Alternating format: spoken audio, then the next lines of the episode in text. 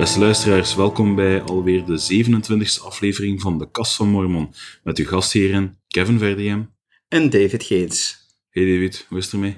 Druk, druk, druk, druk, druk, druk. Ja, we hebben ervoor uh, alles vermeld. Dat is ook de reden waarom we een beetje later zijn. Het is, je hebt het ongelooflijk druk met de nakende verkiezingen. Allee, de lokale, lokale verkiezingen dan hier.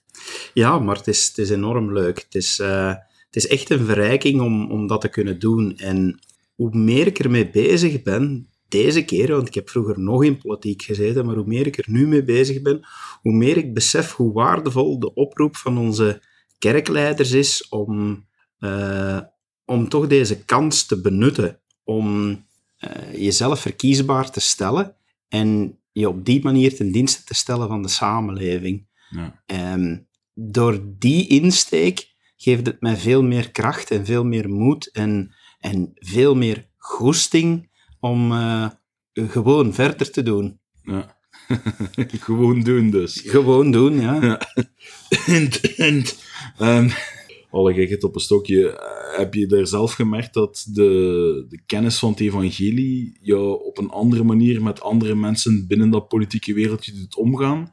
Tegenover de laatste keer dat je in de politiek zat? Oh ja, ik ben veel verdraagzamer geworden. Ja. Um, in de politiek kom je nu eenmaal in aanraking met heel veel mensen die. Kijk, laat ik het anders zeggen. Van, ik ga een beetje simplifiëren, uh, omdat, het, uh, omdat het makkelijker uit te leggen is. Maar globaal gezien zijn er twee redenen die ik als voornaamste reden zou kunnen aanmerken waarom ik merk dat mensen in politiek gaan.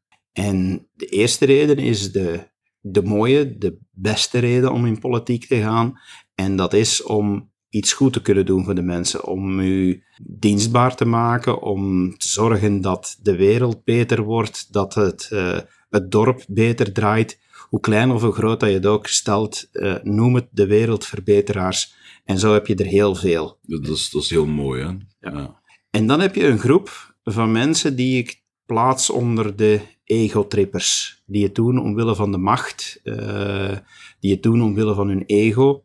Um, en het een sluit trouwens het ander niet uit, heb ik ook al gemerkt. Maar die mensen met een groot ego, en het is een beetje normaal, want ja, je moet toch voor een stuk een, ego hebben om jezelf uh, zo publiekelijk tentoon te spreiden, zeker tijdens een verkiezingsperiode. Ja, met die ego's durft het nogal eens botsen. En ik ga dan niet ontkennen dat ik zelf ook een zeker ego heb. Uh, dat ik uh, dat ik een, een ego heb die, die de nodige ruimte inneemt als ik ergens ben. Maar vroeger zou, zou mijn ego veel sneller gebotst hebben met een van die andere ego's. Of zou de wereldverbeteraar in mij het veel moeilijker gehad hebben uh, met de andere beweegredenen, of de beweegredenen van anderen, uh, om in de politiek te gaan. En ik merk nu dat dat bij mezelf veel eer vervangen wordt als ik mij begin te ergeren, komt heel snel die bemerking van mm -mm, dat is niet wat dat ik als goede christen moet doen. Uh, dat ik soms, en ik ben natuurlijk niet perfect, hè, maar dat ik soms denk van och man, uh, zaag zo niet, of, of iets dergelijks, dat ik nu zoiets ja. heb van nee, laat ons toch maar naar een oplossing zoeken. Ik ben, ben veel meer ingesteld om een compromis te vinden, om, om mezelf voor anderen in te zetten. En ik ga veel minder de scherpe kantjes gaan opzoeken. Ook met de politieke tegenstanders is het, uh, ja, je zou ook even goed kunnen zeggen, misschien ben ik milder geworden met ouder te worden, maar uh, ik merk dan toch als ik wil, dat ik toch nog altijd heel scherp uit de hoek kan komen, maar ik heb minder die behoefte om dat te doen. Van, het gaat er mij ja. zeker om, ik ben veel bedachtzamer geworden om anderen niet te kwetsen. Dat is heel mooi. Dat is heel mooi. Laten we dus invliegen. Um, we hebben heel wat, uh, wat dingen te brengen. Ik heb hier een, uh, een eerste topic. Uh, we hebben het er nogal over gehad. Sam Jong, de man die een campagne begonnen was om meer aandacht te vragen, of alleszins een, een verandering van beleid te vragen naar, naar interviews met jongeren, met kinderen, door de bisschoppen. Ja, en daar heeft hij lang mee bezig geweest. In totaal, wat is het, een jaar en een half nu al? Dat hij er al mee bezig is. Het, het, persoonlijk vond het een beetje absurd en het hoogtepunt was wel dat hij ja, een hongerstaking begonnen was um, om eigenlijk een beetje zijn, zijn ideeën op te dwingen aan eh, aan de kerkleiders. Wel, kijk, ik vind... Of, of schets ik het verkeerd? Oh, ik, ik heb een heel dubbel gevoel over Sam Jong altijd. En dat is de reden waarom ik, eh, waarom ik altijd eh, er, er heel voorzichtig in ben om er uitspraken over te doen. Maar er is het stuk, als we kijken naar... Ja, eh, het gaat erom dat hij zegt van, kijk, ja, kinderen mogen niet alleen zijn met een bisschop wanneer hij ze interviewt. En de bisschop mag zeker geen eh, seksueel georiënteerde vragen stellen. Nu zou je misschien kunnen zeggen van, wat heeft die bisschop met seksueel georiënteerde vragen te doen? Ja, een van de zaken die wij als eh, leden van de kerk van Jezus Christus van de Heilige der Laatste Dagen beloven, is om kuis te leven. Ook jongeren doen Ja. dat. Ja? En ja, als je dus een gesprek hebt met je bisschop, om eender welke reden eh, die wil nagaan of dat jij toch een beetje volgens onze normen en standaarden leeft, ja, dan moet die bisschop eigenlijk wel op een gegeven moment vragen van, ja, leef jij de wet van kuisheid na? Ja. En als daar nee wordt op geantwoord, ja, wat dan? En dat is waar het hele discussie over gaat. Van, heeft een bisschop dan het recht om te gaan verder vragen? Van, hè, van, en, en laat ons nu kinderen uitsluiten, maar laat ons nu kijken naar, naar, naar tieners, Ja. bijna volwassenen. En dat er een 17-jarig meisje aan haar bisschop bekent van ja, ik ben te ver gegaan met mijn lief. Heeft die een bisschop op dat moment dan het recht om te vragen van ja, wat is te ver? Eh, want te ver kan voor de ene zijn van ja, ik heb hem een tong binnengedraaid. En voor een ander kan dat all the way zijn. Ja. Ja, dus dat is een moeilijk punt. Nu, omgekeerd, het andere uiterste is dan van, ja, als dan een 12-jarige jongen zegt van, ja, ik heb de wet van kuisheid niet nageleefd, eh, ja, dat die bisschop gaat beginnen aan te vragen van, ja, wat heb je gedaan? Heb je daarvan onder met jezelf eh, bezig geweest, of van die toestanden? Ja, en dat was wat dat Sam Jong zei van, dat hoort niet. En Daar kan ik hem ook in volgen. Maar de kerk heeft er ook wat aan gedaan. Voilà, en dat is, dat, is, dat is het hem net van. Op dat punt zeg ik van. Wel dan, Sam Jong, dat moest inderdaad bekeken worden. Want sommige bisschoppen, ja, laat ons daar wel in wezen. Way out of line met hun, met hun vragen Ja. die ze stelden. En onze kerk heeft ingegrepen en heeft heel duidelijke richtlijnen gegeven die erop neerkomen. Die zeggen van, kijk, Ja. je mag de vraag stellen, leef je de wet van kuisheid na? En daar komt een ja en een nee op. En that's it. Ja. Ja. Nu, op dat moment heeft eh, de kerk, op het moment dat de kerk dat gedaan heeft, drie dagen later heeft Sam Jong toch een protestmars gedaan op de kantoorgebouwen van de kerk. Maar hij heeft, ja, heeft, heeft verder blijven protesteren en doen. De kerk heeft dan in juni nog een uitbreiding gedaan. Heeft gezegd van, kijk, broeders, dit zijn de vragen die je kunt stellen.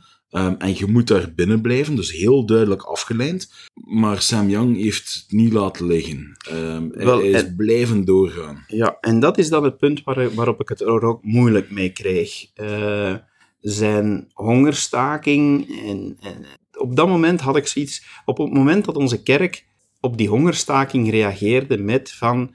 Kijk, er heeft een algemene autoriteit vergaderd met Sam Jong. We hebben al zijn opmerkingen gehoord. We hebben hem van antwoord gediend. En we hebben het beleid aangepast. Ja, dan moet je eigenlijk zeggen van, wel dan, Sam Jong.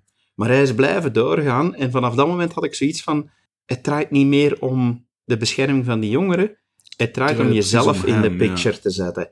Want het was dan toch ook elke dag met de pers er gaan bij te roepen. En ja, nu ook, hè, naar, naar, naar wat ik hoop dat misschien het einde gaat worden van heel deze saga. Ja, hij is uiteindelijk is hij voor een disciplinaire raad moeten komen omdat zijn ringpresident had van, kijk, je gaat te ver. Van mening verschillen mag zeker in onze kerk. Eh, die kenbaar maken, op zich daar ook geen probleem mee. Maar het moment dat onze kerk gezegd heeft van, kijk, wij hebben geluisterd, we hebben er zelfs rekening mee gehouden, dan ben je blijven doorgaan door leden op te roepen om tegen te stemmen op, eh, op ringconferenties en zo meer. Eh, je hebt effectief opgeroepen om eh, tegen eh, de apostelen in te gaan. Je hebt andere mensen willen op een dwaalspoor brengen. En dat is toch wel wat dat onder de categorie valt van ja, afvallig worden. Ja, ik ben aan het denken wat het dan exact een term was die ze gebruikten. Het, het, het was vooral, ja, ja, legde het, het, hetgeen wat, wat de, de leiders van de kerk besloten hadden, volledig naast zich neer. En ja, is, is gewoon volledig overboord gegaan. Is er volledig over gegaan. En ze hebben hem uiteindelijk... Het besluit van de disciplinaire raad was ook van... eh, kijk, broeder, sorry, maar u bent geëxcommuniceerd. Nu, hij heeft dat niet zomaar gedaan. Hij heeft een brief gekregen van zijn bisschop, heeft hij niet open gedaan. Hij is naar Salt Lake City gereisd, drie dagen later, en heeft die open gedaan en voorgelezen op een persconferentie. Voilà, daar gaat het ook weer Ja. zo. Hè, van, van, de kerk zelf heeft altijd gezegd van kijk, wij geven geen commentaar op deze procedure, want een disciplinaire raad is bedoeld om iemand de kans te geven eh, terug bij te sturen. En Ja. dat is puur persoonlijk, dus daar geven we geen publieke commentaar op. En wat doet hij? Je moet nota bene weten, hij woont in Houston, Texas. Ja, En hij heeft daar dus, want het was lokaal, een disciplinaire raad is altijd lokaal in de eigen Ja. ring. Ja, hij heeft die aangetekende brief gekregen. Hij heeft die niet geopend, zoals je zegt. Hij is daarmee het vliegtuig opgegaan naar Salt Lake City. En daar op Temple Square heeft de pers bij elkaar geroepen en die brief geopend. Ja, dan, dan noem ik u toch al redelijk mediageil. En dan heb ik echt zoiets van, nee Sam, van, je hebt prachtige dingen gedaan. eh, en ik ben blij dat er zoveel verduidelijking is gekomen voor de bescherming van onze jeugd. Maar ik vind het nu spijtig voor hem dat hij zo ver gegaan is. je zegt saga tot een einde. Hij heeft er ook bij gezegd van ja, en ik ga binnen de 30 dagen eh, een appeal doen. Een, een, hoe zeg je dat? Een, ehm, eh, ik ben het woord kwijt, David. Ja, in beroep appeal, gaan? In beroep gaan, dank u. Ehm, bij het eerste presidium. Of dat hem dat iets gaat opleveren, ik betwijfel het ten zeerste. Ik zeg het, de kerk heeft hem al aanhoord. We kunnen hierover blijven doorgaan, maar ik, ik hoop dat de saga ergens kan ophouden. Want, ja, Ja, vooral ook, en het stond nog eens heel duidelijk in, in de brief, hij is niet geëxcommuniceerd omdat hij niet akkoord gaat met de richtlijnen. Hij is geëxcommuniceerd omdat hij blijft oproepen tegen de leiders van de kerk in te Ja. gaan. Dus ja, ik vind, ik vind het toch een heel evenwichtig procedure. Ik was er natuurlijk niet bij. Ik kan niet oordelen in de plaats van, van de broeders van, van de Hoge Raad. Maar eh, ja, ik hoop echt dat, het, eh, dat hij toch gaat, gaat inzien dat, eh, dat het iets minder om hem moet draaien en, eh, en dat, hij, dat hij iets moois heeft bereikt en dat hij daar tevreden mee zou moeten zijn. We zullen nog een, een link zetten naar het artikel, want het kwam tevoorschijn op. Welke website was het, David? Oh, het heeft op heel veel websites geweest, onder andere Deseret News, maar eh, heel veel, Misschien heel kunnen we veel een link voor wie het, het uit... Want het is een beetje een, een langer artikel. Wie het dus uitgebreid wil lezen, eh, we zullen de link posten. Oké, goed. Ehm, dan naar iets, eh, een heel pak fijners. Ehm, Elder Quinten L. Cook, een van de apostelen, heeft eh, samen met zijn echtgenote een face-to-face event gedaan. Dat doet, dat doet de kerk wel vaker tegenwoordig, met leiders. Wel, correctie, het was niet met zijn vrouw deze Ah, keer. oei. De- heel veel van die gezien. face-to-face events zijn inderdaad een, vast format. Is, is ja. meestal een apostel met de echtgenote. en hier was het dus al niet. Dat was al eigenlijk één opmerkelijk ding aan dit face-to-face event. Oké. Ehm, en daar hebben ze het vooral gehad over. Als ik, de, ik heb de video niet volledig kunnen zien, maar wat ik wel gezien heb, zijn de, de titels van waarover dat allemaal ging. De rode draad leek mij toch echt wel, ja, kerkgeschiedenis. En, en, en de tegenstrijdigheden die mensen daar soms in lijken te vinden, of zelfs in vinden, tout court, en die daar problemen mee hebben. Daar ging het eigenlijk over. En dan was het viel het mij enorm op dat het, ja, het was een face-to-face event met jongere mensen toch, waar dat, naar mijn ervaring, de mensen die ik al tegengekomen ben, die problemen hebben met stukken kerkgeschiedenis, dat zijn vaak oudere mensen. Dus het, viel mij ook op dat ze hier echt wel naar jongere mensen spraken. Wel, het, was inderdaad naar jonge mensen gericht. Eh, Elder Cook was vergezeld van twee gekende historici uit onze kerk, die, die heel goed eh, de geschiedenis bestudeerd hebben. En de concrete aanleiding is heel duidelijk het verschijnen van het boek van eh, Saints, waar we het al Ja. over gehad hebben. En ik vond het wel heel prachtig dat men dit heel goed voorbereid had door jongeren op voorhand vragen te laten insturen. Ja, En er zaten toch wel vragen in die, die heel opmerkelijk waren, die, ehm, ja, die nu misschien minder verrassend zijn, zeker voor jonge mensen zullen ze minder verrassend zijn, omdat we tegenwoordig zoveel informatie hebben via het internet. Maar ik heb geleerd dat het niet verwonderlijk is dat wat oudere mormonen of leden van de kerk van Jezus Christus van de Heilige der Laatste Dagen, dat die niet wisten dat er polygamie geweest is in onze kerk. Wait, what? Uh, ja, dat, daar schrik ik toch wel wel van, want ja, misschien in Amerika weten mensen dat. Ik, het verbaast mij. Ik weet nog heel goed, ik zat in het tweede middelbaar, denk ik, of het eerste middelbaar, en ik had tijdens de uh, in de ochtend had ik een spreekbeurt gegeven over de kerk. Dus iedereen op school wist ineens, na de speeltijd die ertussen zat, dat ik mormoon was. Tijdens de middagpauze kwam er iemand van het vierde middelbaar, die nog nooit gezien had, naar mij toe. hey, hoeveel moeders heb jij? Dus dat is zo'n, voor mij, al altijd zo'n bekend fenomeen geweest. Mensen worden er hier nog altijd van beticht. Allee, mensen, leden van de kerk worden nog altijd beticht van polygamisten te zijn de verschillende documentaires van de BBC en op Canvas in Vlaanderen dan toch helpen er ook niet altijd aan, want daar geven ze documentaires over mensen die geen deel uitmaken van onze kerk, maar zichzelf mormonen noemen. En ja, dat geeft de bal, allee, dat bracht de bal nog meer aan het rollen natuurlijk. Ja, maar dat is een fenomeen van de laatste 20, 30 jaar. En eh, daarvoor kan ik me echt wel inbeelden dat mensen dat niet wisten, omdat je moet ook rekenen hoe vlot is, informatie beschikbaar. Als ik terugdenk van, neem nu gewoon het fenomeen televisie. Ik ga nog niet over het internet, want dat heb ik weten effectief opkomen. Ja, ik was 18 jaar toen het World Wide Web werd uitgevonden en ik heb het echt van, van dag één zien, zien komen als IT'er. Maar gewoon televisie. Als ik samen met mijn ouders tv keek, ja, dan keken we meestal naar een of andere Hollandse zender, omdat er op de Vlaamse tv niet veel op was. Uh, dat waren, er, er was veel minder. Nu heb je honderden zenders, zelfs in de eigen taal. Eh, om maar te laten zien hoeveel beperkter de informatie was.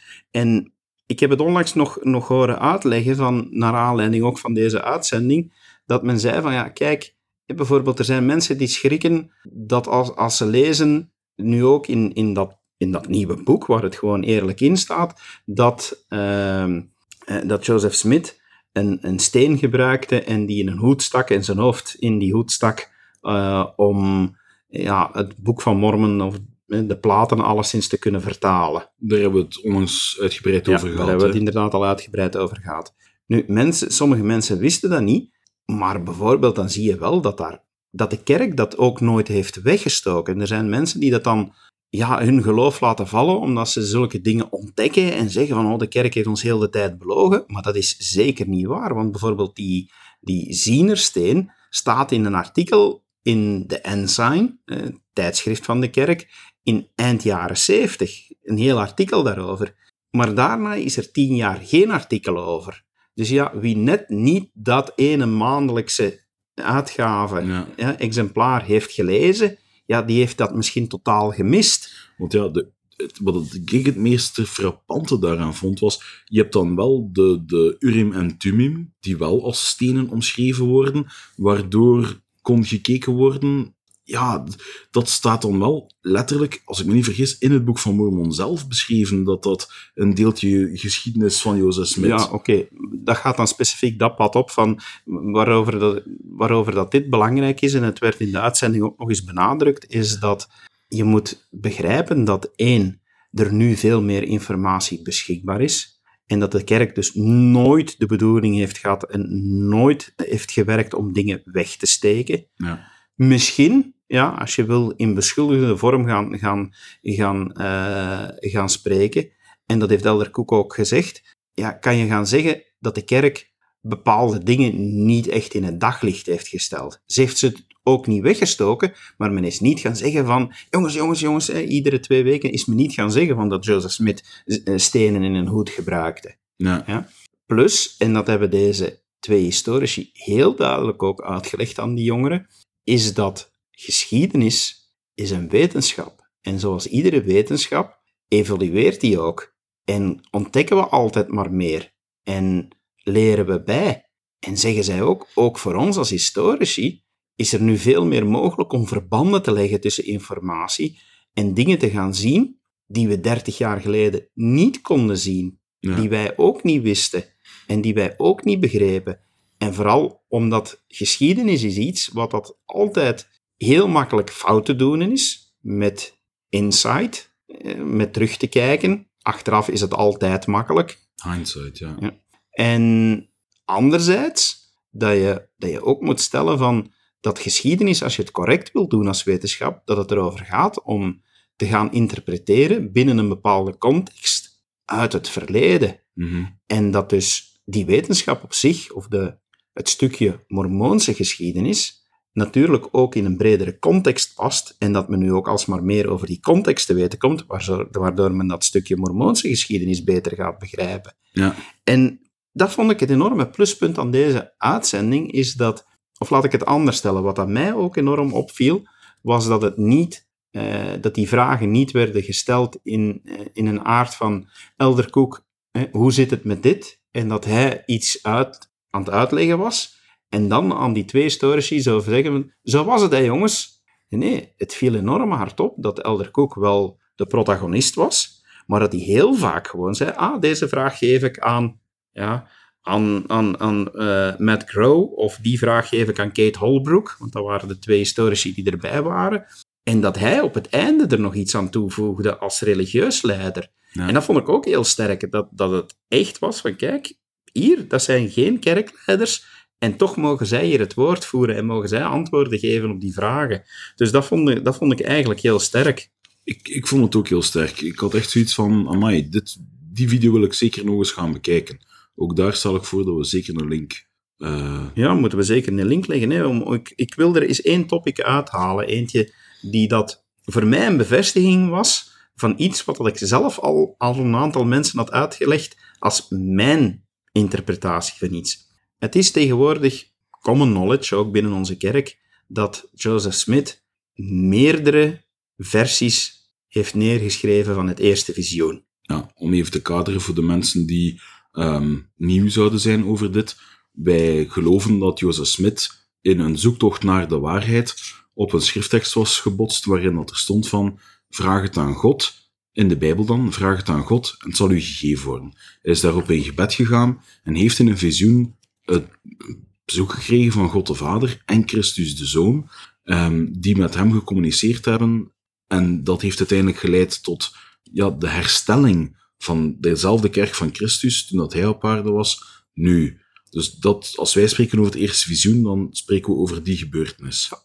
Dank je voor die uitleg, dat is, eh, dat is het inderdaad. Maar het is dus zo van, daar zijn zelfs in geschreven vorm meerdere versies van. Ja, En dan kan je gaan zeggen van, ja, maar ja, is dat niet het bewijs dat hij het verzonnen heeft? Want iedere keer klonk het toch net wat anders. ik heb me er altijd zoiets de vraag bij gesteld van, ja, maar probeer zelf eens terug te denken aan iets dat u overkomen is op 13-jarige leeftijd en probeer dat eens op verschillende tijdstippen van de dag of de week of weet ik veel wat. En ik vraag u daarnaar op de bots en je moet dat uitschrijven. Je gaat je bepaalde details beter gaan herinneren. Je gaat iets anders misschien, dat je al twaalf keer verteld hebt, gaat je ja, een beetje gaan samenvatten. En daardoor lijkt het misschien anders.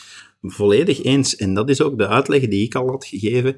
Ik heb al heel lang geleden, eh, in, in een periode van, eh, dat ik nog studeerde, zat er in mijn vriendenkring eh, een meisje, een jonge dame, en zij studeerde criminologie. En way before ik bezig was met, eh, met zelfs nog voor ik deze kerk kende, dus eh, in een heel ander verband, hadden we eens een heel interessant gesprek over hoe dat eh, binnen criminologie, hoe dat er wordt omgegaan met het ondervragen van verdachten. En een van de vragen die ik had was van, ja goed, in politieseries en zo merk je heel vaak dat men zegt van, van vooraf aan, we beginnen opnieuw. En dat de verdachte dan zegt, ja maar ik heb dit toch allemaal al eens verteld. En ik vroeg haar van, is dat in het echt ook zo? En zij vertelde mij, ja, zegt ze, en dat heeft een heel goede reden waarom dat, dat gedaan wordt. Ik denk dat ik weet waarom. Ik kan je laten verder vertellen, maar ik neem aan dat het is dat als het verhaal exact hetzelfde is, is er een grotere kans dat het verzonnen is. Ja, correct. Dat is wetenschappelijk aangetoond dat als, eh, als het verhaal echt iedere keer knal hetzelfde verteld wordt, dat het meestal wijst dat het ingestudeerd is, alleszins. Of het waar is of niet, dat is een ander punt, maar wel dat het ingestudeerd is en dat er heel goed over nagedacht is van wat ga ik hier antwoorden en dat je dat fenomeen vaker ziet wanneer het verhaal verzonnen is. Dus binnen de criminologie is het feit van dat als bij meerdere ondervragingen ja, blijkt dat er bepaalde details bijkomen, veranderen, of dat er andere inzichten zelfs komen, want ook dat speelt mee waarom ze de verdachte verschillende keren ondervragen, om die te verplichten van het verhaal. Want ze, men gaat de vragen dan dikwijls ook net in een iets wat andere vorm stellen als men een goede ondervrager is. Heb ik toen allemaal geleerd. Net om verschillende inzichten te krijgen.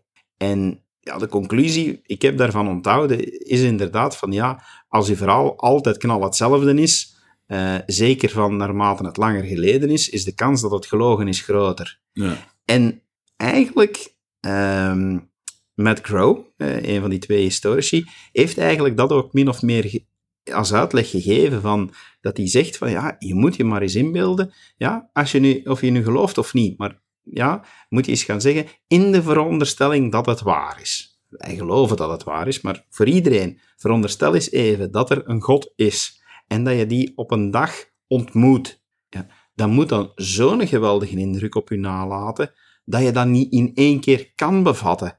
En dat je daar tijd voor nodig hebt om, om dat alsmaar beter te leren begrijpen. Dus het zou raar zijn dat een dertienjarige jongen het opperwezen ontmoet en van dag één volledig begrepen heeft dat nooit op een andere manier gaat bekijken en altijd op dezelfde manier vertelt het doet mij zo denken aan het feit dat, ik dacht dat president Hinckley was, een van de vorige presidenten van de kerk, die op heel hoge leeftijd um, nog vertelde dat hij pas naar de tempel gegaan was. En ondanks het feit dat de boodschap die daar gegeven wordt in C altijd dezelfde is, dat hij daar toch nieuwe dingen uit leerde. Toen mij daar een beetje aan denken, hoe dat als je iets langer en dieper tot u laat indringen, dat je er meer over gaat begrijpen. En dat je daar ja, meer inzichten hebt, dingen ook beter kunt kaderen. Net zoals die historici, dat je zelf ook al zei. Dat ze door nieuwe inzichten bepaalde dingen beter kunnen gaan kaderen. Dat is ook zo. En, en ik vind dat dat zelfs een wijze les is om toe te passen op je eigen leven. Als ik nu terugdenk aan bepaalde zaken of bepaalde beslissingen die ik heb genomen in mijn leven, dan hebben die nu een ander kader en kan ik die anders begrijpen en beter begrijpen dus dat lijkt zelfs niet abnormaal. En hoe ingrijpender een gebeurtenis.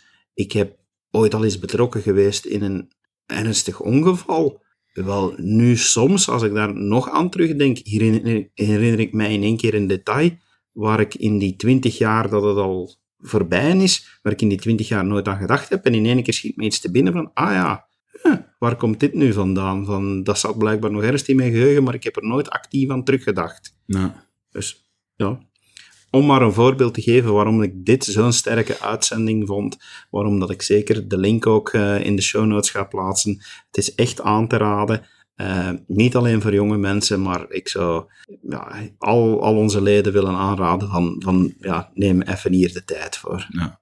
En dan denk ik dat het tijd is om uh, wetenschap en geschiedenis even achter ons te laten en onze spreekwoordelijke glazen bol boven te halen en eens kijken of jij en ik voorspellingen kunnen doen over ja, wat er ons allemaal te wachten staat bij de algemene conferentie die volgend weekend plaats zal vinden. Misschien eerst even vertellen wat een algemene conferentie is. Ja, um, twee keer per jaar wordt de hele kerk bij elkaar vergaderd.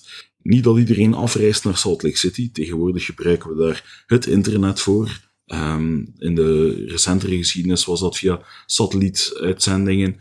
En daarvoor nog was het via radio. Um, ik weet nog goed dat mijn moeder vertelde dat ze um, met een hele hoop leden naar Antwerpen gegaan waren, waar dan een, een radio met een heel sterke antenne uh, afgesteld stond om samen naar de profeet te kunnen luisteren, in plaats van gewoon de woorden te kunnen lezen, effectief naar de profeet te kunnen luisteren. Hoe fantastisch dat wel niet was. Wat is een algemene conferentie? Niet alleen zomaar een vergadering. Um, dat is geëvolueerd in de geschiedenis. In het begin was dat een, uh, een, een, tijd om instructie te geven, om ondersteuningen te doen um, en, en om, om ja, te beraadslagen als je wil en naar leden te luisteren. Eh, tegenwoordig is het vooral een instructietijd om, ja, ik zeg het, toespraken te horen van onze president en ehm, van de apostelen en van andere kerkleiders. En daar kan je enorm geestelijk door opgebouwd worden.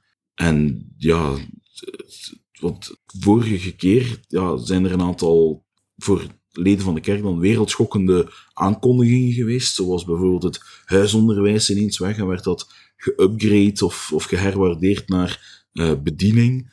Um, iets, iets waarvan ik ongeveer tien dagen voor de algemene conferentie tegen een van onze broeders heb gezegd van, ik, het woord bediening heb ik toen totaal niet gebruikt, maar ik heb hem toen wel een uitleg gegeven van, volgens mij gaat er iets veranderen en het zal zo, zo en zo zijn. Ja. En, dat was op basis van, van een aantal dingen die ik, die ik online opgepikt had. En, en dat is een beetje onze insteek nu. We hebben een, tiental dingen verzameld die wie weet wel eens zouden kunnen aangekondigd worden um, op de algemene conferentie. Ja, vooral omdat we nu een president hebben die dat laat ons toch eerlijk zijn, in tegenstelling tot president Monson, uh, wel, wel durft al ietsjes meer door elkaar gooien. Hè?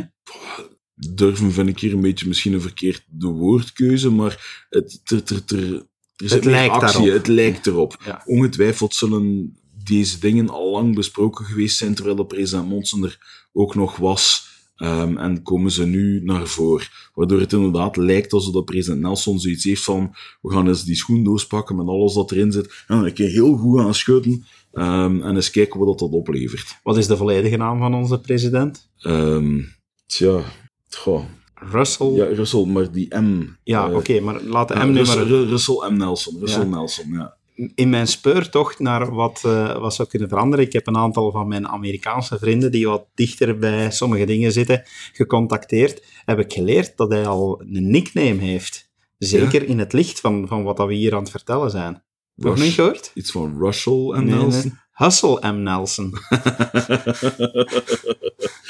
ja, voor wie niet weet, hustle, te hustle wil zeggen u spoeien, u rappen, en door elkaar gooien. En hè? door elkaar, ja. Oh, to hustle is ook mengen, ja, hè, van to hustle the salad. Ja.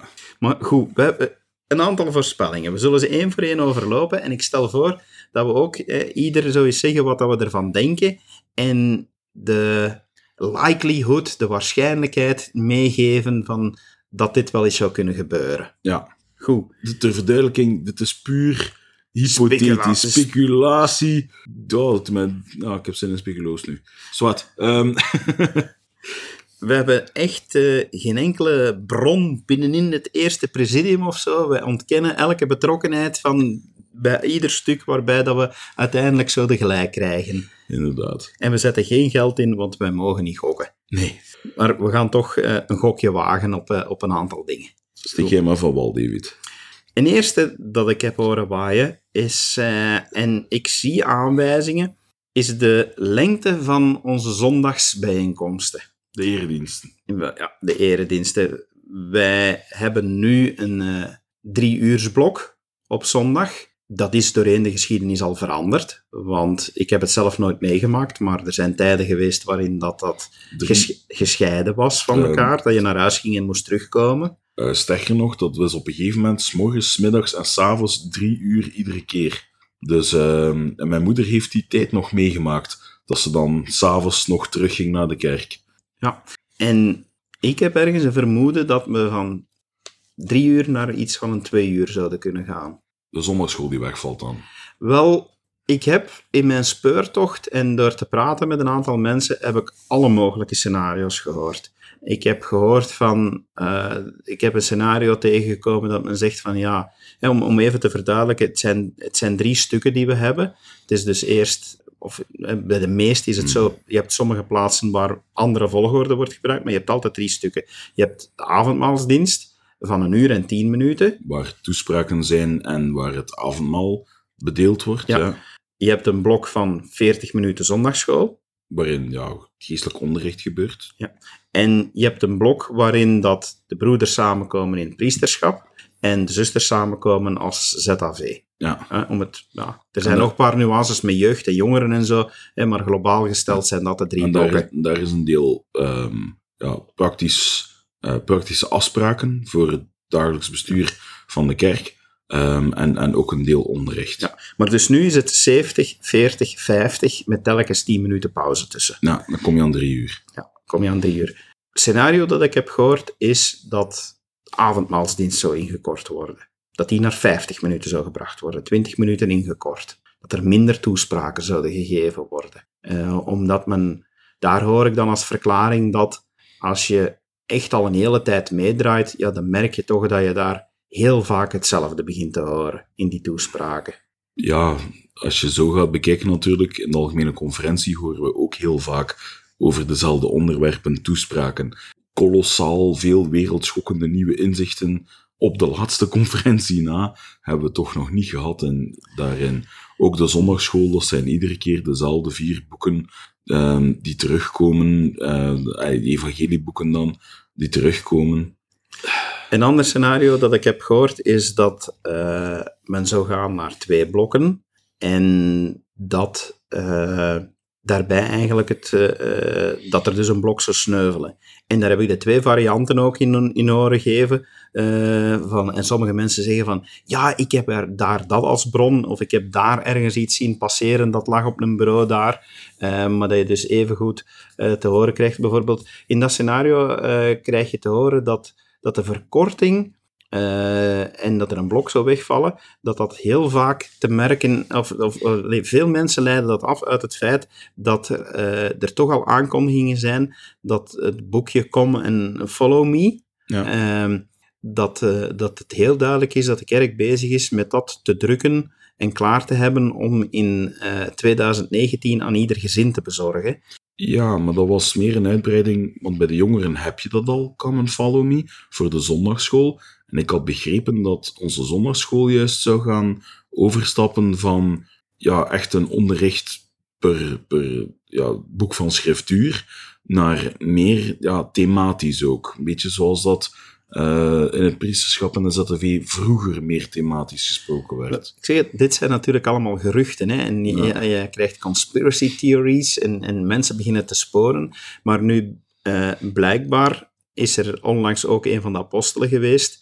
En er wordt dat wordt dikwijls gezegd dat apostelen de aankondigingen die ze gaan maken een beetje op voorhand uittesten in hun toespraken die ze geven, de weken dat ze nog op reis zijn voor de algemene conferentie. Mm. Dus dat in bepaalde ringconferenties er toch al wel zo uh, een tipje van, van de sluier wordt opgelicht. En blijkbaar heeft een van de apostelen uh, in een recente toespraak gezegd uh, ja, we weten dat gezinnen onder serieuze tijdsdruk staan en uh, we gaan daar binnenkort iets aan doen. Dus dat voedt natuurlijk het idee dat, dat, het gaat in, dat het gaat inkorten. En vooral omdat er dan ook verwezen wordt naar, oké, ieder gezin zal come and follow me uh, krijgen en zal geacht worden om daar thuis uit te leren. Dus een van de geruchten is ook dat het ingekort zou worden en dat men dan wel verwacht dat je dus minder in de kerk bent, maar dat je thuis iets meer in gezinsverband uh, gaat les geven en volgen. Dan heb ik een voorstel. Als ze het dan toch gaan inkorten, dan ze het dan inkorten naar achter toe en niet naar voor toe. Dat ik eindelijk eens ook kan uitslapen op een zondagochtend. en dat de dienst nog maar om 11 uur van 11 tot 1 gaan. Dat tot 1, dat kan mij zo niet schelen. Het is al zo heel vroeg beginnen. Hm. Ik, een ander scenario dat ik heb gehoord is dat men afwisselend uh, de evenweken uh, priesterschap en ZAV zou doen en dat de oneven weken zondagschool zou zijn. Ik heb ieder mogelijk... Uiteindelijk, in, in, als ik aan het noteren was, naarmate ik met mensen sprak, heb ik, heb ik ieder mogelijk scenario tegengekomen. Dus maar, wat, wat, wat, wat, denk jij hiervan, Kevin? Is, denk je dat het, dat het iets is wat er zou kunnen inzitten? Ik denk dat het erin zou kunnen zitten, ja. Um, in welke vorm, dat weet ik niet. Dat, gelijk dat je zelf zegt, er zijn zo enorm veel mogelijkheden om dat te doen. Um, maar de signalen van ja, die zondagsdiensten, die drie uur, dat duurt wel heel lang. Um, dat is ook moeilijker voor mensen met kleine kinderen om, om die aandacht erin te houden, om die geestelijkheid op peil te kunnen houden voor die drie uur lang. En dat speelt al langer onder de leden. Dus ik kan me niet inbeelden dat dat enkel in onze contraien zo zou zijn. Ik kan me heel goed inbeelden dat dat wereldwijd wel eens iets zou kunnen zijn. En dat, um, ja, dat er misschien wel ja, veranderingen kan komen. Dus ik, ik zou dit toch een 7 op 10 geven dat dit erin kan zitten. Zo niet deze keer, misschien een volgende keer. Mhm. Ja, ik, ik deel grotendeels die mening van... Ik ging naar een 60%. Ja. Dus ja, wie weet. Oké, tweede gokje. Ja, Ehm, een korter tempelritueel met een andere dialoog. Dat had jij opgeschreven. Ik fronste daar even mijn wenkbrauwen bij. Ik weet dat er ja, dingen veranderen in de tempel. Aan, aan, niet zozeer aan de, aan de fundering, want die is er al altijd zo geweest en zal ook altijd zo blijven. Maar de invulling van hoe, ja, dat is, daar zijn al kleine veranderingen in gebeurd doorheen de tijd. En ik weet ook van um, mensen die um, nauw verbonden zijn aan de tempel, um, ja, dat daar best veel veranderingen aan het gebeuren zijn. Um, beetje bij beetje, niks wereldschokkends. Nu, we weten, hè, dat, is, dat, is, geen geheim, dat we daar instructie ontvangen. en dat die instructie ja, gegeven wordt in, in, voor een deel toch in videoformaat. Die video's zijn nog niet zo lang geleden, zijn daar nieuwe van opgenomen geweest, want de oude waren echt van in de jaren stilletjes. Ja, dus... en dat is ook wat ik bij mezelf de bemerking maakte van, zou men nog al die moeite gedaan hebben? Maar langs de andere kant, er is ook niet zo makkelijk als een film inkorten, hè? Ja, maar de vraag is, wat knipt je dan? Want ja, er zit al redelijk wat, wat belang, eh, redelijk wat belang, er zit veel belang in, Um, veel dingen die daaruit kunnen leren. We weten ook dat uh, doorheen de geschiedenis dat er al een inkorting geweest is. Um, ja, ik heb zoiets van, voor wat er nu nog staat, weet ik niet waarin je nog zou kunnen knippen. Ja, ik denk het wel. Toen ik hier op uitkwam, heb ik daar zitten over na te denken. En ja, we, kunnen, we weten ook van, tempels zijn voor ons heel heilig. Dus niet om tot in detail te gaan. Maar globaal gezien zijn er twee blokken in, in, in het tempelritueel. Enerzijds krijgen we heel veel informatie, krijgen we uitleg over het ontstaan van de wereld. En anderzijds sluiten we daar heel heilige verbonden. Ja. Nu zou je kunnen zeggen dat misschien buiten de eerste keer, als je de eerste keer door de tempel gaat, maar als je dus bij herhaling gaat, dat je zegt van oké, die uitleg, die heb je gekregen. Ja? En is dat nodig dat je iedere keer heel die background krijgt? Het belangrijkste is dat je naar de tempel gaat om die verbonden te sluiten. Ja.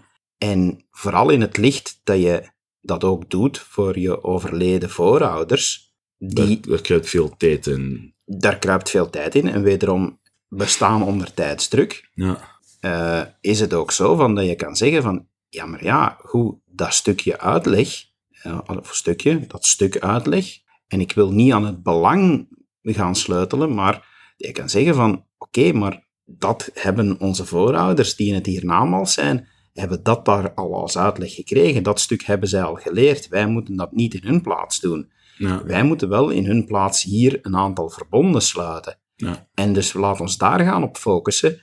En in plaats van een twee uur blok, er misschien in lukken van dat ook naar één uur te brengen, zodat de efficiëntie van de tempels verhoogt en dat er meer, werk aan gedaan wordt. Wat dan op zich weer in overeenstemming is met, naarmate we de laatste dagen alsmaar verder ingaan, weten we dat het altijd maar drukker en drukker gaat worden, want dat het allemaal, al het werk gedaan moet kunnen worden. Ja. Dus... En door de moderne technologieën komen er steeds meer namen binnen in de tempel van mensen die aan familiegeschiedenis doen, um, doordat zoveel archieven gedigitaliseerd geweest zijn doorheen de jaren, um, wordt het alsmaar makkelijker om je stamboom te vinden, om familieleden te vinden, uh, overleden voorouders, waarvoor het werk nog niet gedaan geweest is.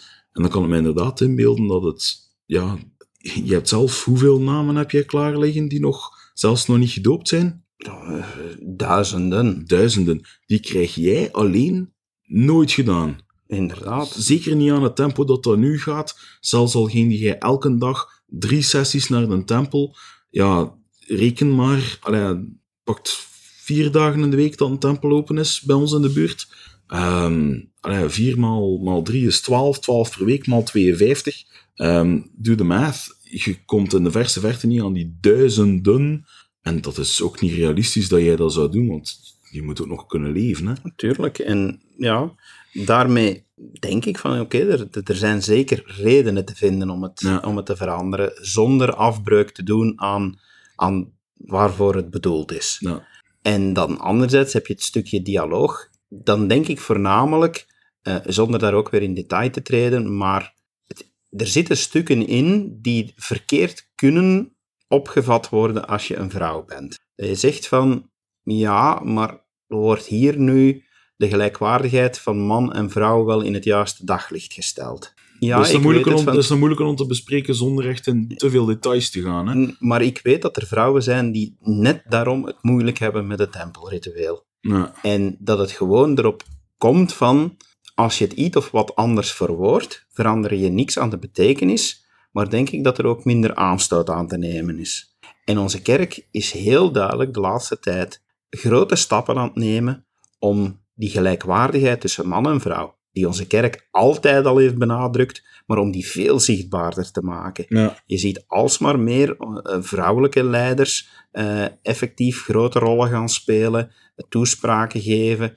Dus ook daar denk ik van dat de woorden die men gebruikt, dat die wel eens onder revisie zouden kunnen komen. Van, om net dat probleem, dat sommige vrouwen daar aanstoot aan nemen, om dat probleem weg te werken. ja. Maar goed, Daar misschien genoeg over gezegd voordat we uitweiden in dingen. kan, we, kan worden, we worden uiteindelijk gevraagd om er niet te diep op in te gaan. Ehm, omdat, niet omdat die dingen geheim zijn, maar omdat ze heilig zijn. Ehm, dus, dus dat gezegd zijnde, wat denk je aan kans? redelijk hoog ook. Ehm, zeker omdat ik zelf ook al dingen gehoord heb van ja, er zijn veranderingen op komst en, en, en eh, er zijn nieuwe instructies die erover gegeven worden aan tempelwerkers. Door mijn gezinssituatie heb ik al even niet meer naar de tempel geraakt als tempelwerker.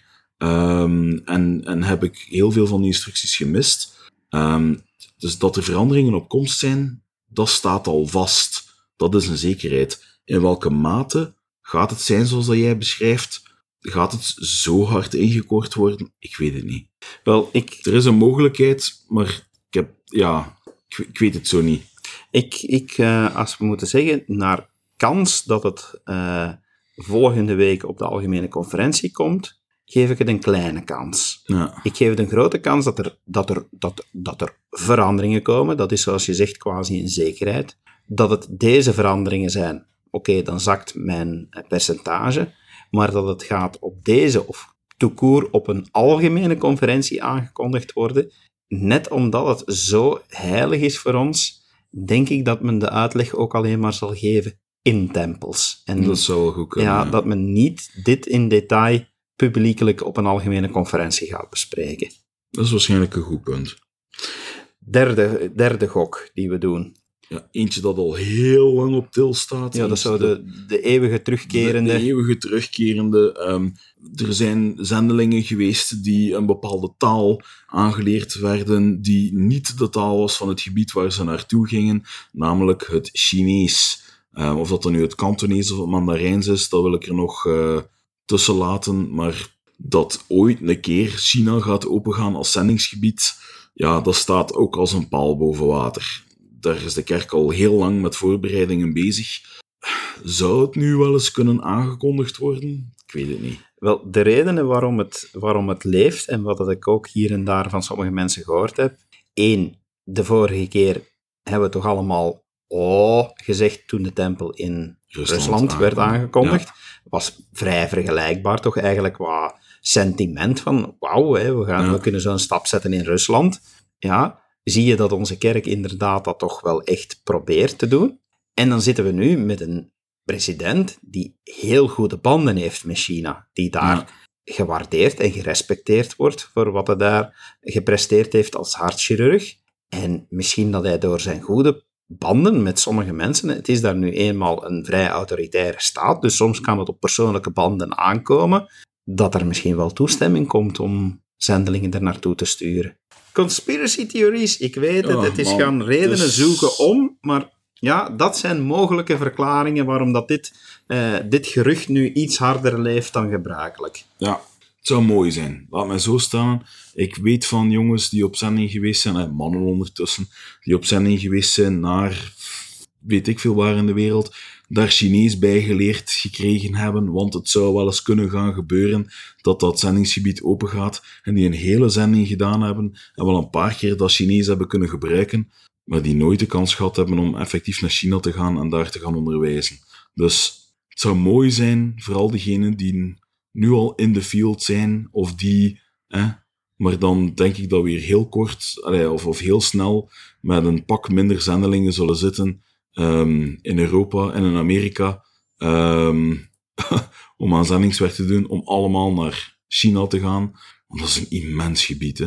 Ja. Allee, een dichtstbevolkt uh, land van, van de hele wereld, hè ja, daarom straks bij, bij punt 5 heeft er zelfs mee te maken dat je zegt van ja, gaan we hier met minder zendelingen zitten of zo. Van.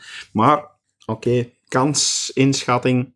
Laat ons zeggen, als je, laat ik zeggen, ik doe er een plus 20. Als de kans vorige keer 30 was, dan zeg ik nu 50. Net omwille van de redenen van de persoonlijke contacten van president Nelson. Oké, ik, ik durf er geen cijfer op plakken. Ik, kan echt alle mogelijke kanten op. Ik vind een hele mooie. Um, het zou heel tof zijn of dat, dat deze gaat aangekondigd worden. Ik weet het niet. Ik weet ook niet of dat de kerk per se zou wachten om daarmee te beginnen tot op een algemene conferentie. Om zo, ja, het is, allee, ja, Beeldwin als ze vijf maanden geleden al te horen kregen van ja, vanaf nu mag het. En dat de kerk niet al erop zijn gesprongen zijn om zendelingen er naartoe te sturen, dat lijkt me een straffen. Daar heb je gelijk. Ik denk dat ze daar dan eerder een speciale persconferentie voor zouden bijeenleggen en niet wachten tot op de algemene conferentie. Ja, ja daar kan je wel gelijk in hebben. Uh, ja, goed. Uh, vierde gokje, pop-up tempels. Ik moest onmiddellijk denken aan Mozes, die zo een heel tent en, en heel dingen met zich meenam. En ik kan me zo moeilijk inbeelden dat zo poppenruimte te huur en dat er ineens poef een tempel staat. Zo. Ik moest een beetje lachen met dat idee. Je gaat het toch even moeten kaderen, David, voordat ik het serieus kan nemen. Wel, ik, ik heb het niet in die zin van dat er dat, dat net zoals een pop-up iglo-tent, dat je gaat uh, poef een uh, opblaasbare infrastructuur hebben en die dat dan van, dit is vandaag onze tempel. Pas op, inflatable churches bestaan, hè. Er bestaan ja, heel bedrijven voor in Amerika. Ja, maar ik denk eerder, ik denk heel specifiek, en, en sommige mensen die, dat, uh, die me dit influisterden, hebben het, uh, hebben het ook van dat ringgebouwen zouden kunnen tijdelijk gebruikt worden als tempels. Maar waarom tijdelijk? Waarom niet ineens geconverteerd worden naar tempel? Wel... En dat permanent blijven? Waarom, waarom tijdelijk? Omdat ah als het permanent moet worden, ja, dan, kan, dan moet jij zeggen van dan is er eigenlijk nood aan een, aan een tempel te bouwen. Ja. ja. Nu, de redenen die ik hiervoor hoor is één, er is een voorgeschiedenis voor. In de vroege dagen van de kerk ja, zijn er tempelrituelen uitgevoerd in locaties die dat dan tijdelijk als heilige grond werden beschouwd, die niet in tempelgebouwen waren als dusdanig. Doop, niet... Om doop voor doden te doen, dacht ik. Bijvoorbeeld. Dat was, dat was aan een rivier. Ja, ja, ja, dat is één. Twee, we weten dat het en dat, kan je, dat argument kan je zowel pro als contra gebruiken. Ja, er zijn mensen die hun hele leven moeten sparen om één keer voor zichzelf naar de tempel te kunnen gaan. Ja. ja. Dat men nu de kerk, en, en we zien heel duidelijk, onze, onze kerk is ook aan het veranderen van, van een, een, een American all-white church naar een global church. Ja, we zien daar nog op heel veel punten veranderingen. Hè. Ook onder andere het jeugdprogramma dat gaat veranderen. Uh, de Boy Scouts die, die, die, die afgevoerd worden en vervangen worden door een globaal programma. Er zijn nog dingen die je daarin ziet. Dat men meer en meer rekening houdt van... Kijk jongens, we zijn niet meer enkel en alleen die kerk die dat net in Amerika sterk staat en dan nog heel specifiek in, in Utah. Ja. Anderzijds worden die inspanningen van die mensen die zo... Ja, echt waanzinnige inspanningen doen om één keer in hun leven naar de tempel te kunnen gaan, worden nog enorm verheerlijkt. Ja. ja dat je dan zegt van oké, ja, zou men dat nog doen als men met het idee zit van met, met pop-up tempels te gaan werken. Een ander pro-argument is dat, want dan zou je kunnen gaan zeggen van ja, maar kan dat wel? Is daar doctrine voor die dat het toelaat? Zie je daar al voorbeelden van? Is dat men, en daar heeft men mij ook moeten op wijzen, want ik heb het zelf nooit meegemaakt, maar dat bij inwijdingen van nieuwe tempels, dat ja, daar, mag, daar mogen mensen bij aanwezig zijn, er mogen leden bij aanwezig zijn. En omwille van de grote interesse daarvoor werkt men meestal in verschillende sessies. Ja. Maar er zijn ook al gelegenheden geweest dat men het inwijden van een tempel op uitzendt, closed, closed circuit weliswaar, zodat het kan gevolgd worden vanuit ringgebouwen. Ja.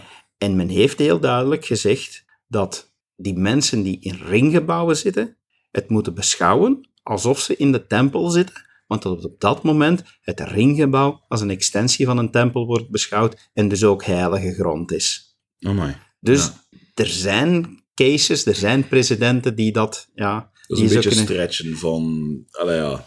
we zijn conspiracy theory Ja, ja, aan het spelen. Hè? Want dit, dit maakt het zo leuk, hè, dit onderwerp. Maar ja, en als je dan weet van, ja, dat men zegt van ja, in sommige gebieden zou het toch wel handig zijn om eens eens in het jaar bijvoorbeeld, hè, en om daarmee op uw vraag te beantwoorden, om eens eens in het jaar een tempel in de buurt te hebben, zodanig dat de mensen toch voor zichzelf of voor hun voorouders ja, Verordeningen kunnen doen. verordeningen kunnen doen en dus niet eh, verstoken blijven van de zegeningen van een tempel. Ja, het, het heeft een, het heeft een kans om er te komen. Ehm, ik geef er maar 30% aan. Ik Dat- geef, dat maar, ik geef maar 10%, En 10% aan. dat het op de algemene conferentie zou aangekondigd worden. Oh, dit lijkt me nu wel iets als men die policy gaat invoeren. Hè. Dan denk ik wel dat het, dat het Ja, materiaal is voor een algemene conferentie. Ja, dan nu wel. Maar dat het al op deze conferentie zou aangekondigd worden, geef ik naar 10%. Dat het er te koer komt, iets hoger. Eh, dan als, als vijfde eh, voorspelling de lengte van de zending. Van, van een fulltime zending. Ja. En nu ligt die op 24 maand voor jongens en 18 maand voor meisjes. Ja, ergens, en die ergens is dat het is gebaseerd op bepaalde uitspraken van mensen die dat met, eh, met het zendingsapparaat van onze kerk te maken hebben, is dat dat meer een vrije keuze zou worden. Dat het enerzijds ingegeven wordt om ook dat verschil tussen jongens en meisjes weg te werken. Dat Ja. meisjes kunnen kiezen van, ja, maar wij willen ook 24 maanden gaan. Ja, om eerlijk te zijn heb ik nooit echt begrepen waarom dat, dat verschil daar zo moest zijn. Toen het historisch zo was dat meisjes pas vanaf 21 konden gaan, had ik zoiets van, ja, eh, hoe langer dan ze op zending gaan, hoe later dat het wordt voor hen om eventueel ja, te, te kunnen huwen met een, iemand die ook van hun leeftijd is en terugkomt van zending. Nu dat die leeftijden meer gelijk getrokken zijn, lijkt het mij eigenlijk ook aannemelijker dat dat er zou komen dat die ehm, ja, dat dat het meer gelijk getrokken wordt. Of dat de keuze aan, aan zusters zou gegeven worden om ehm, meer dan de 16 maanden te doen en dan ja, echt naar eh 24 maanden ook te gaan. Die Ja. kant zie ik erin zitten Hm. dat broeders elders niet twee jaar zouden dienen, maar zouden kunnen opteren om minder te doen, dat lijkt mij sterk. Het zou mij ook sterk lijken dat de kerk heeft van, man, als jij drie jaar op zending wilt zijn, mag dat ook van ons. Die kans zie ik nog het kleinst van al. Omdat de, het, het gebod van de Heer er nog altijd staat van, ga, voor, ga voort en vermenigvuldigt u. De Heer wil nog altijd dat, dat mensen die gezinnen beginnen en kinderen stichten. Dus Ja, maar goed, wederom, als we dan naar presidenten gaan kijken, eh, in de begindagen van de kerk ja, werden getrouwde mannen op zending gestuurd. ja, En was het soms voor veel langer. Hè? Er zijn genoeg verhalen bekend van mensen die dat zending op zending op zending en, en uiteindelijk zelfs meer dan tien jaar op zending waren. Hè? Dus, Ja. eh, maar ik denk ook wel dat men het nu niet onbeperkt zou laten als men een keuze heeft. Dat men zegt van ja, je kan kiezen tussen 6, 12, 18, 24 maanden bijvoorbeeld. ja, Maar een van de redenen die ik, eh, die ik denk dat, dat er zou kunnen zijn, is dat blijkbaar naar verluid eh, stijgt het aantal vroeger teruggekeerde zendelingen. oké. En het is nog altijd zo dat ja, wie vroeger terugkeert dan die 18, respectievelijk 24 maanden, dat die nogal eens makkelijk scheef bekeken wordt. Ja, Hoewel dat er daar heel veel eervol worden ontslagen, om het eh, zo te zeggen. meestal is dat dan omwille van studieredenen. Hè? studieredenen, gezondheid, eh, familiale gebeurtenissen. Ja, Eh, er zijn tal van redenen. En dat men zegt van, ja, goed. Anderzijds zou het blijkbaar ook zo zijn dat er een stijging zit in, aan, allee, in weigering van, van aanvragen om op zending te gaan. Uh, want er zijn, je, moet, je moet perfect gezond zijn, je moet, uh, je, moet, je moet alles in orde hebben met je leven voor je de toelating krijgt op zending te gaan. Er zijn, Ja. er zijn jongeren die dat niet op zending gaan en eervol worden ontslagen van hun plicht om op zending te gaan. Ja. Eh, Alleszins jongens toch, want voor hen is het een plicht. Ehm, omdat ze niet voldoen, bijvoorbeeld op medische redenen. Ja. Maar dat men dan nu zegt van kijk, die twee problemen kunnen we misschien tegelijk aanpakken door wat flexibeler te gaan zijn in die tijdsduur. Mhm. En tegelijk, ja, er zijn er sommigen die zeggen, ook in het soort van zending. Dat, hè, want nu is het zo van, ja, een, een, een echte zending, en dan echt hè, plaats ik tussen aanhalingstekens, hè, voor jongens is dan 24 maand ergens naartoe gaan, naar een zendingsgebied, en daar 24 maanden lang het, het evangelie gaan uitdragen en prediken. Terwijl jongeren die, en dan neem ik nu het voorbeeld, zoals het misschien gaat zijn voor mijn eigen kinderen, die omwille van eh, eh, sociale handicap dat niet kunnen doen, ja, zegt men dan wel van oké, je bent daar eervol van ontslagen van die plicht, maar je hebt de kans om wel een, eh, Service mission. een service mission te gaan doen. Ja? Maar er is onderscheid. Het is ook effectief zo, die service mission, dat, dit is niet hetzelfde als, als die fulltime mission. Nee, Van, absoluut dat wordt zelfs op een andere manier geroepen en ja... En dat men ergens ook daar zit van, jongens, dit begint toch wel een beetje te wringen. Want ook eigenlijk die mensen die om die redenen dan, en toch die moeite doen om die service mission, waarom kunnen we dat niet even waardevol bestempelen? Ja. En ja, om die redenen zie ik het niet onwaarschijnlijk dat dit zou kunnen gebeuren. Oké. Ja, kan ik kaderen. Dus ja, ik weet niet hoe, hoe groot ik de kans moet geven. Ik zeg 40, 50 procent. Ja. Want blijkbaar zijn er toch wel aanwijzingen hier en daar dat daar iets mee staat te gebeuren. En er zijn plausibele redenen voor. Ja. Nummer zes. Dat was er eentje van Dat is jou. van mij. Ik denk dat er wel eens een grote focus zou kunnen zijn op bediening. Ehm, ik heb al van bepaalde plaatsen gehoord waar dat sinds dat ehm, huisonderwijs en huisbezoek afgeschaft werden, en dat de boodschap was van ja, je kunt je gezinnen op andere manieren opvolgen dan louter een bezoek, dat het helemaal op zijn gat gevallen is, om het met een Vlaamse uitdrukking te zeggen. Waardat er bijna geen bezoeken meer zijn, waardoor het helemaal niet goed gaat. Dus het zou volgens mij, en dat is misschien in contrast met de andere speculatieve dingen, denk ik dat dit wel een heel hoge kans heeft om, om erin te zitten dat er echt nauw op het hart gedrukt wordt van broeders en zusters. We hebben het de vorige keer over bediening gehad. Hè? Het is tijd dat we ons herpakken, want het wordt niet gebruikt zoals dat het zou moeten zijn. De hogere wet ehm, wordt, wordt precies niet goed eh, gedaan. zeg ik heel simpel op 100 procent. Ja. ik, ik twijfel er niet aan dat hier over bediening gaat gesproken worden. Dat men nu gaat zeggen van bediening, het loopt nog niet zoals het moet. Ja, dan zeg ik van oké, die uitspraak geef ik 70, 80 procent kans.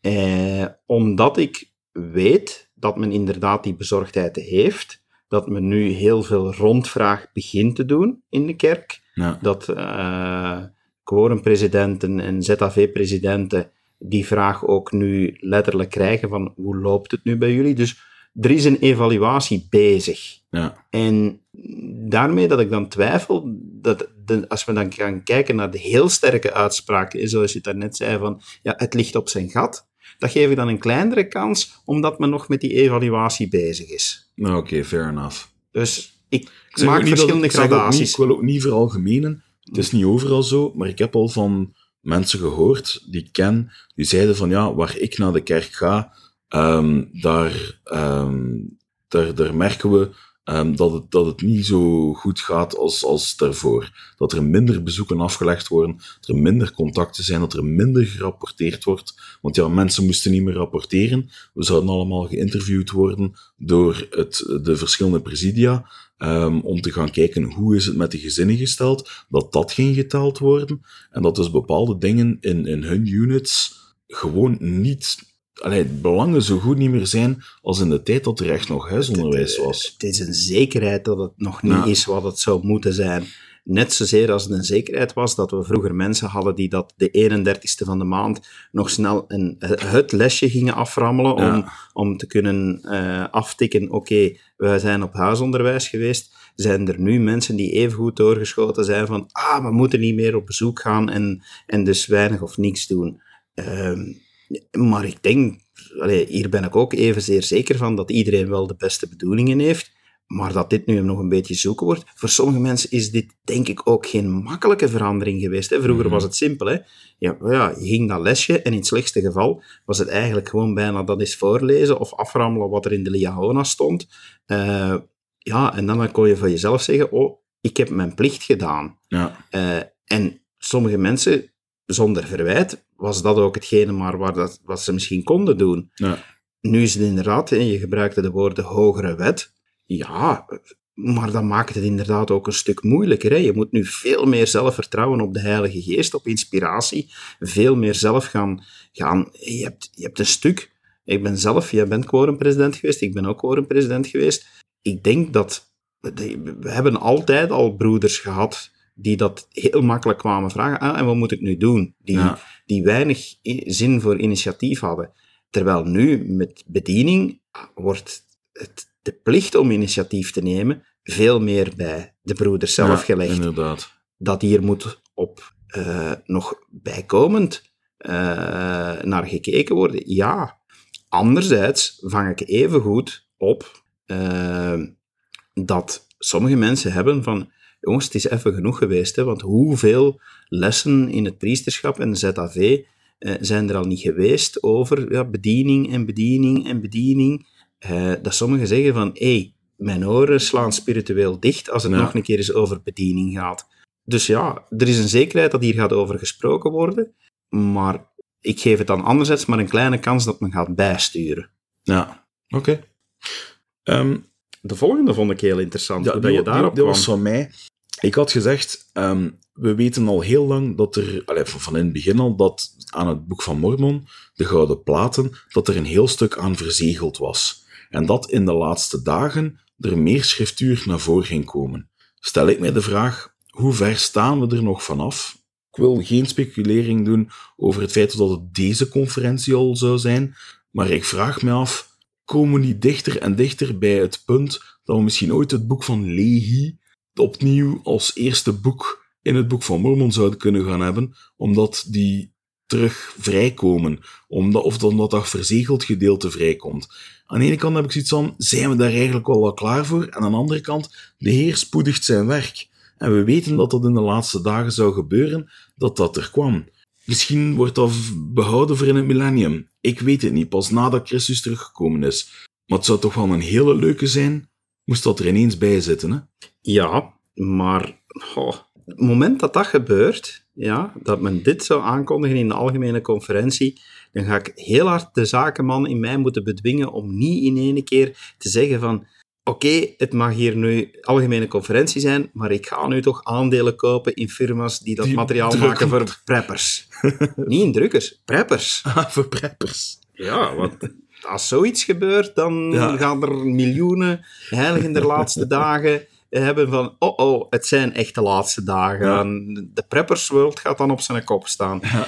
Maar dan vraag ik me eigenlijk af, ik vind het een heel mooi om over na te denken, maar zou zoiets niet gebeuren nadat een paar andere dingen gebeuren, zoals bijvoorbeeld eh, een tempel in Jeruzalem, een tempel in Missouri, Die tempel in Missouri, die dacht ik zou er pas eh, zijn, ofwel vlak voor of vlak na de start van het millennium. hè. Ik dacht dat die pas ging gebouwd worden in een millennium. Dat Ja. ben ik niet zeker. Ik weet nog heel... Ah, ik ben de stem volledig aan het verliezen. Het wordt laat op de avond. Ehm, ik ben... ehm, ik weet me nog heel goed en ik vond het heel fijne lessen wanneer ik semina ochtendseminarie kreeg. Dat mijn moeder, zij is eh, enorm toegewijd eh, lesgever geweest voor, eh, voor seminarie, ook instituut later. En de lessen die ik van haar kreeg, die gingen over de tekenen des tijds.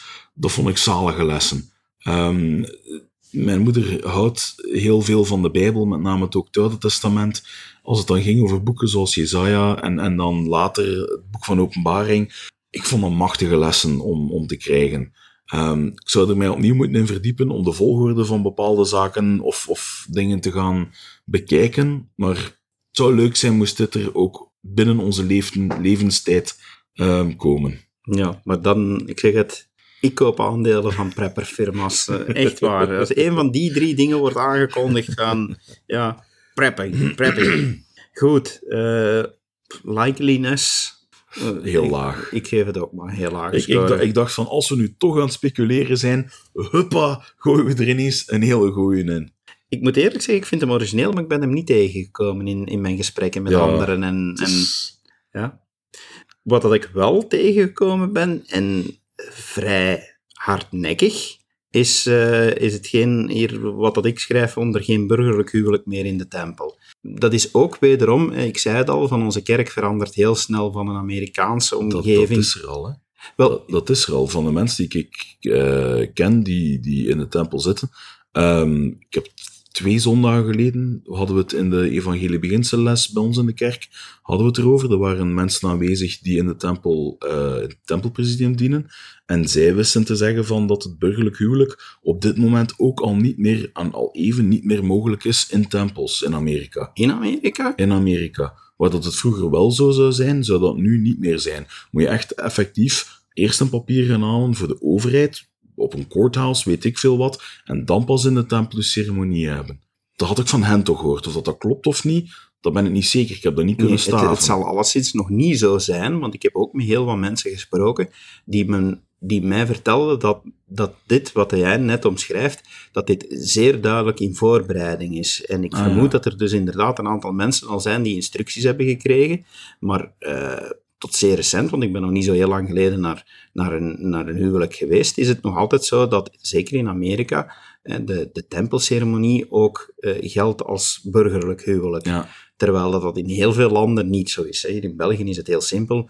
Ook voor andere kerken, wil jij een religieus huwelijk, ja, je hebt toch eerst een burgerlijk huwelijk Mhm. voor de wet af te sluiten. in Schotland, ehm, en ik weet nog heel goed dat daar een hele discussie rond was, toen ik in ehm 2000 en, ik even nadenken, het zal de zomer van 2004 geweest zijn, ehm, waar dat er ehm, over het, same-sex marriage, omdat een bisschop in, am- in Schotland bevoegd is om een burgerlijk huwelijk te voltrekken. En dat dus het weigeren van het voltrekken van zo'n huwelijk in een van onze kerkgebouwen door een van onze bisschoppen, dat dat eh, op het punt stond om in de illegaliteit terecht te komen. Dus daar kwam godsdienstvrijheid volledig in het gedrang. Ja, dat is dus inderdaad de reden, en daarmee dat ik het, eh, dat ik het hier ook in, in de notities had bijgezet. Eh, dat zou blijkbaar inderdaad ook nu meespelen in Amerika, dat men eh, daar rechtszaken wil gaan over vermijden. En dat men dus gewoonweg zou zeggen van kijk, kerkbedienaars, om, om zomaar de leiders te noemen, ja, eh, hebben niet meer de autoriteit om burgerlijke huwelijken te sluiten. En dan Ja. zou dat probleem in één keer afgesloten zijn. Dus dat dit op een conferentie wordt aangekondigd, wederom omdat het iets te maken heeft met tempels, acht ik de kans klein op een conferentie. Mhm. De verandering op zich geef ik een heel grote Ja, kans. en zeker dat- met wat jij nu nog vertelt. Ja, ik zeg, maar dat is iets dat al, al dat is zomer 2004, dat is 14 jaar geleden. Gepasseerd al. Man, ik word oud. Ik, ik- ja. Nummer, nummer 9. ja, voor mij ook quasi een zekerheid meer uitleg over, Ja. over de naam van de kerk. Dat kan bijna niet anders. Ehm, toen dat het aangekondigd geweest is, was men heel duidelijk van, ja, dit staat nog niet helemaal op punt. Ehm, van, van, en er worden op dit moment instructies uitge- uitgegeven om de verschillende diensten, wat met websites, wat met ehm, YouTube-channels, weet ik veel wat, alles, alles, alles dat rond het gebruik van de term mormonen te maken heeft. En dan de overgang naar leden van de kerk van Jezus Christus van de Heiligen der laatste dagen. Ehm, dat is bijna zeker. Dat daar meer info over komt, 95%. Ja, en, en daarbij aansluitend eh, ja, de naamswijziging van de Mormon Tabernacle Choir. Ook dat eh, lijkt quasi een zekerheid te worden. Dat men het gaat op een conferentie ook weer zeggen, geef je dan weer minder kans. Dat heeft inderdaad minder kans. Wat dat betreft, ik denk het Tabernacle Choir, dat dat misschien een makkelijke naam is, omdat ja, zij ook meer doen dan enkel dat. Aan de andere kant, dan mist je ook wel een heel groot uithangbord naar de wereld toe, om te zeggen van, kijk, wij als leden van de kerk doen ook heel mooie dingen als het aankomt op klassieke muziek. Um, dat in de muziekwereld, um, het blijft een wereldbefaamd koor en is al altijd gelinkt geweest met de kerk, door die naam ook. Of dat mensen dat dan nog als die organisatie gaan herkennen als dat er niet meer is, ik weet het niet. Ja, maar ja, dat is net hetzelfde, die twee punten horen samen. Die naam van de kerken, we hebben het er ook al in een vorige podcast over gehad, van ja, moeten we nu de, de term mormoon, moeten we dat, dat veld overlaten aan, aan, aan tegenstanders? Eh, gaan we hem zelf kunnen gebruik, blijven gebruiken? Ik, ik, vond het een moeilijke, want ik heb onlangs nog, wanneer was het? Van het weekend, zondag, um, nieuwe mensen leren kennen. Uh, we hadden het erover van, kijk, wij zijn leden van de kerkfeestjes van de Heilige Laatste Dagen. Huh, wat? Mensen noemden ons vroeger mormonen, maar die term wordt niet meer gebruikt. En dan moet je die toch nog even de verduidelijking er precies gaan bijhalen, omdat anders mensen iets hebben van, ah, ik weet niet wat dat is. En als je dan het woord mormonen erbij haalt, secundair dan, niet op de eerste plaats, maar secundair, dan hebben mensen iets van, ah, ik weet dat die organisatie bestaat en nu weet ik ook de officiële naam van de kerk. Vroeger zouden mensen rappen gezegd hebben, ik ben mormoon, maar de officiële naam van de kerk is... Ja, ja. Dus, Allee, ik vind het blijven een moeilijke vinden. Quasi zekerheid dat daar meer uitleg gaat over komen. Nu, daarmee hadden we, uh, hebben we samen een lijstje gemaakt van tien voorspellingen. Uh, dus ik ben heel benieuwd. Eén ding weet ik, er gaat iets groots aangekondigd worden. Ja. En dat weet ik omdat... Een kleine teen tingelt al een hele tijd. Nee, dat weet ik gewoon omdat binnen public affairs, normaal gezien weet je op voorhand, en ik ga niet zeggen dat je op voorhand weet, maar je weet dat er op voorhand een aantal dingen circuleren. Hè. Er zijn mensen die, eh, de vertalingen en zo, die worden op voorhand klaargemaakt. En er circuleren dus nogal wel eens documenten. En je krijgt ook bepaalde uh, head-up informatie om van, ja, eh, dit gaat, en zorg dat je heel snel klaar bent om dit te publiceren of dat te publiceren op websites. Deze keer hebben we te horen gekregen dat men uit schrik voor lekken, zo heeft men het letterlijk gezegd, dat er geen informatie op voorhand gedeeld werd, maar moesten we wel klaar zijn, als, uh, in binnen Public Affairs moeten we klaar zijn tijdens de hele algemene conferentie, om heel snel ad hoc aankondigingen die gebeuren, ja, gaan we dus ook heel snel in het Engels iets toegestuurd krijgen en moeten we het op eigen houtje, en dat is uitzonderlijk, moeten we het op eigen houtje gewoon snel vertalen om op de sociale media van de kerk, van de lokale pagina's van de kerk, dat aan te kondigen. Die head-up informatie hebben we gekregen van, dus be ready, er gaan dingen aangekondigd worden en het is dus de bedoeling dat je zelf heel snel er heel kort iets van op sociale media gaat zetten. Maar als je hulp nodig hebt met Engels, ik sta klaar. maar ja, we gaan het dus ook maar weten ja, als het aangekondigd is. We weten, de kans is heel groot dat terwijl dat we luisteren naar de algemene conferentie, dus ik zal waarschijnlijk gaandeweg e-mails krijgen van oké, zet dit nu online. Maar ook altijd maar nadat het aangekondigd is. Dus uw hulp is van harte welkom, maar, maar je gaat het niet vijf seconden sneller daardoor weten. Nee, nee, nee. Maar ja, het gaat... Ja, daar... dat was ook mijn insteek, niet om het vroeger te weten. Ik wou gewoon helpen dat het met correct, uh, correcte vertaling de wereld uh, inging. Maar het lijkt er dus op dat er wel toch een aantal dingen, dat Hustle M. Nelson toch wel uh, met een aantal zaken gaat afkomen. Absoluut. leuke speculaties allemaal, beste luisteraars. Laat ons weten wat dat jullie hiervan vinden. Durf ook eens te laten weten van wat dat jullie denken, dat van, wat van die tien voorspellingen dat het uh, zou kunnen worden. Uh, zou wel heel leuk zijn om, om daar wat ja, discussies over te zien op onze Facebookpagina. En hou je al vast voor onze volgende podcast, want als ook maar een deel van wat we hier gezegd hebben uitkomt, of dat heel groot wat dat David het over heeft, ja, dan gaan wij een, ja, een, een, een serieuze podcast um, te, te bespreken hebben. Um, bij de volgende voor aflevering 28 mochten hier meer dan drie dingen van onze voorspellingen uitkomen, van gelieven er niet vanuit te gaan dat wij ook een zienersteen hebben of zo, ja, dan hebben we gewoonweg heel goed geluisterd naar, uh, naar bepaalde mensen uh, die, die bepaalde dingen hebben opgevangen of zo. Van, ja. uh, die gaan ons zeker geen buitengewone krachten toedichten, want dat, dat, dat klopt zeker niet. Eén ding is al zeker, ik ga zorgen dat ik ochtends genoeg geslapen heb, dat ik de uh, avondsessies, die hier dan wat om tien uur s'avonds Ja. beginnen, uh, tot middernacht dan, dat ik die ook gezien heb. Want anders ga ik iets missen, denk ik. En dat wil ik niet meemaken. Dus eh, misschien is dit ook gewoon een marketingtrucje om meer aandacht te krijgen en meer kijkers te krijgen naar de algemene conferentie. Van, ja, laat men dat zo lekken van, oh, we gaan iets groot aankondigen. Van, ja, is dit gewoon ook wel weer een, een snugger trucje, maar eh, we zullen zien van, eh, laat het alsjeblieft leven op onze Facebookpagina. En als je zelf ideeën hebt, deel ze daar ook gerust. En je mag ons altijd ook mailen op zeggend maar at dekastamormon.info of via ja, alle mogelijke kanalen waarop dat je ons kan bereiken, ook als je ons persoonlijk kent.